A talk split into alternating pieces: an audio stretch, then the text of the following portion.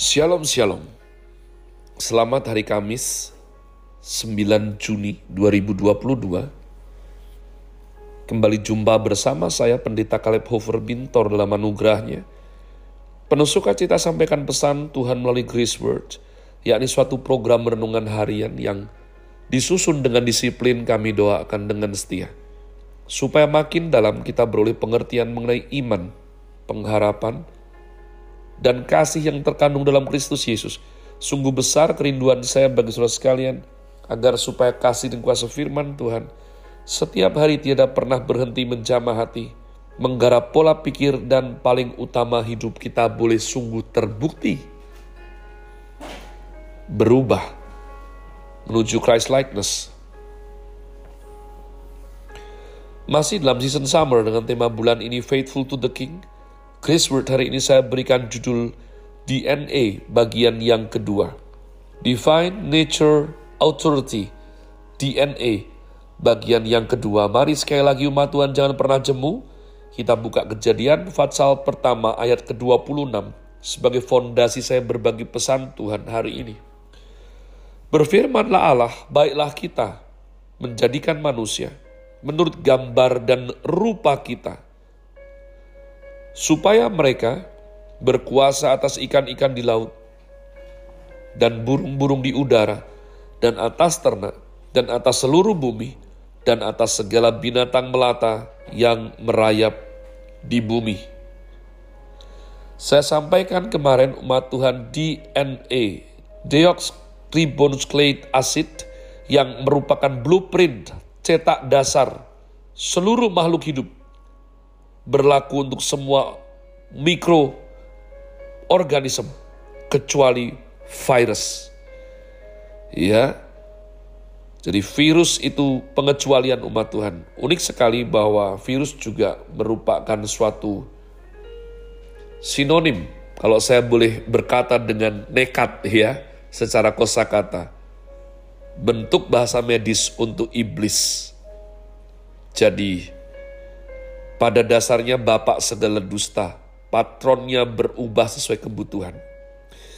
Jadi DNA ini mengandung perintah genetika sifat yang diturunkan dari suatu generasi ke generasi berikutnya umat Tuhan saya diberkati.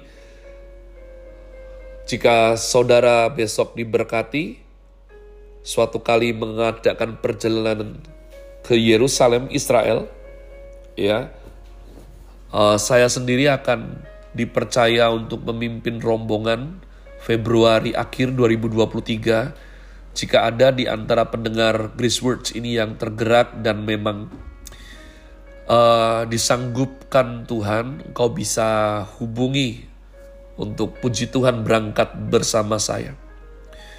Adalah suatu momen yang langka untuk jumpa dengan imam besar Samaria imam besar Samaria ini adalah masih keturunan asli daripada Harun.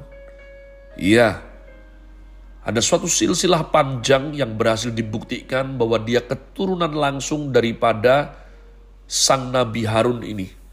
Ya, juru bicara Tuhan pada waktu Musa dibangkitkan.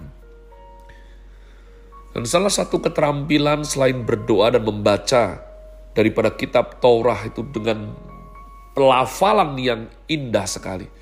Ya, yang sekarang saya tahu bahwa saudara-saudara kita muslim itu memiliki azan, itu sudah terlebih dahulu Israel melantunkan doa dengan cara demikian. Nah dia itu bisa lihat wajah kita, lalu memegang telinga kita, dan kira-kira dia akan memberikan komposisi bahwa kamu itu keturunannya ada Mongolianya. Kamu keturunannya ada Jusnya. Kamu keturunannya itu ya ada Baltiknya. Waduh, ma Tuhan. Itu menarik sekali. Tentu saja tetap harus paling percaya sama firman Tuhan. Tapi paling tidak, rupa-rupanya teknik beliau ini sangat sering betulnya. Itu DNA umat Allah. DNA ada suatu perintah dasar Ya, sehingga kita ketika percaya Tuhan Yesus lahir baru, artinya darah Yesus itu mengalir di nadi rohani kita. Inilah nilai dasar pembangun keluarga Kristen. Pada waktu kita membaca firman tadi kejadian 1.26, kata apakah yang muncul dua kali saat Tuhan mencetuskan ide penciptaan manusia? Dua kali. Ya. Kata tersebut adalah kita, bukan aku. Jadi DNA manusia itu kita, bukan saya. Dalam keluarga kita belajar identity, identity, authority, strategi. Sengaja kita dilahirkan Tuhan oleh suatu institusi paling mendasar yakni keluarga. Paling minimal itu bapak, ibu, anak yakni kita. Tuh kan? Kita umat Tuhan.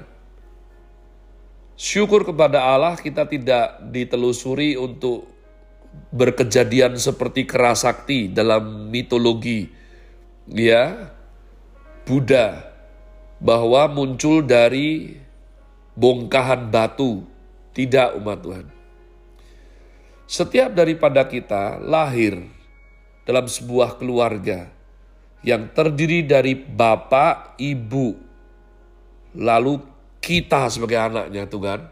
Kita harus sebut kita umat Tuhan.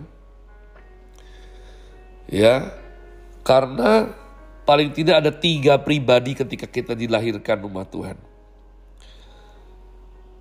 Jadi kita ini memang harus belajar kekitaan lebih daripada keakuan.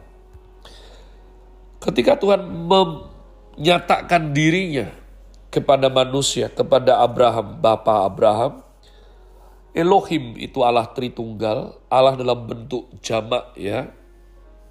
Saya sudah malas berdebat, memang tidak ada perkataan khusus tiga, tapi juga saya tidak setuju kalau lima atau tujuh.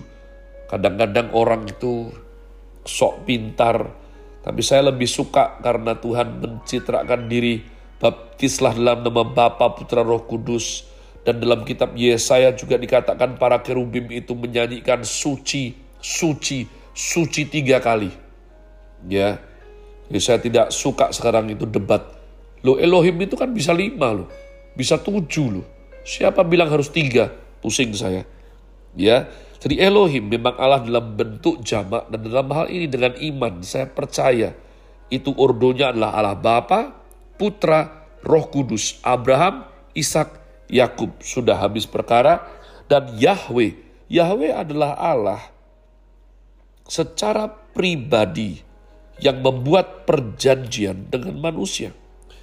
Jadi pada saat Allah itu membuat perjanjian dengan Bapak Abraham, maka pribadi yang muncul adalah Yahweh. Nah, saya kasih tahu ma Tuhan, di semua agama yang tidak percaya Trinitas, maafkan saya, ini fakta sejarah, itu biasanya satu, otoriter. Ya, Kerajaan-kerajaan besar zaman dahulu sangat otoriter. Jadi esensi dari dulu menyuruh umat, jemaah, rakyat mati buat rajanya.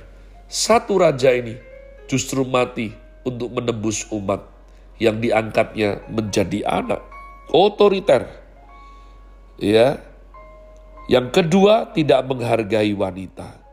Tahukah Anda bahwa peraturan dan nilai-nilai dunia sangat merugikan wanita, kecuali ajaran Alkitab kita. Setiap tahun kurang lebih 200 juta wanita mati dikarenakan nilai-nilai tersebut. Oh iya, 200 jutaan. Mungkin statistiknya bisa lebih. Pada waktu saya tulis ini, itu sudah sekitar 8 tahun yang lalu, Mbak Tuhan. Nah, saya tidak akan perpanjang bagian itu. Saya akan tutup dengan demikian. Ciri dalam Trinitas itu apa? Ada satu untuk penutup pertemuan Grow hari ini. Saya berdoa supaya engkau boleh tergerak dan boleh faham dan melakukannya.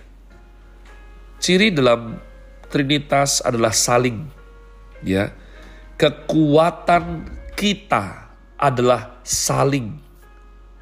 Tanpa saling, kita akan hancur. Maka inilah kunci dalam perjanjian baru begitu banyak kata saling dalam firman Tuhan. Saling menghormati, saling mendorong dalam perbuatan baik, saling mendoakan, saling membantu, saling mengasihi, saling mengampuni. Bahkan Efesus 5, 21, 22. Jangan kutip dua-dua tanpa dua satu umat Tuhan. Ya. Jadi umat Tuhan, ini adalah rahasia yang diberikan Tuhan untuk kita memahami kita, yakni saling. Sebab tujuan keluarga bahagia bukan bahagia. Perhatikan, tujuan keluarga bahagia bukan bahagia, tapi tujuannya adalah bagaimana menjadi keluarga yang menjadi gambaran DNA dari Trinitas tersebut, yakni keluarga yang diperintah, dimiliki, digerakkan oleh Tuhan. Ya, ya, itu rahasianya. Saling, mulai sekarang, salinglah. Saling menolong, saling mengasihi, saling memuji, saling menguatkan, saling mendoakan. Dan engkau akan menikmati berkat yang Tuhan berikan di dalam kekitaan, jangan keakuan. Have a nice day. Tuhan Yesus memberkati saudara sekalian. Sola. Grazie.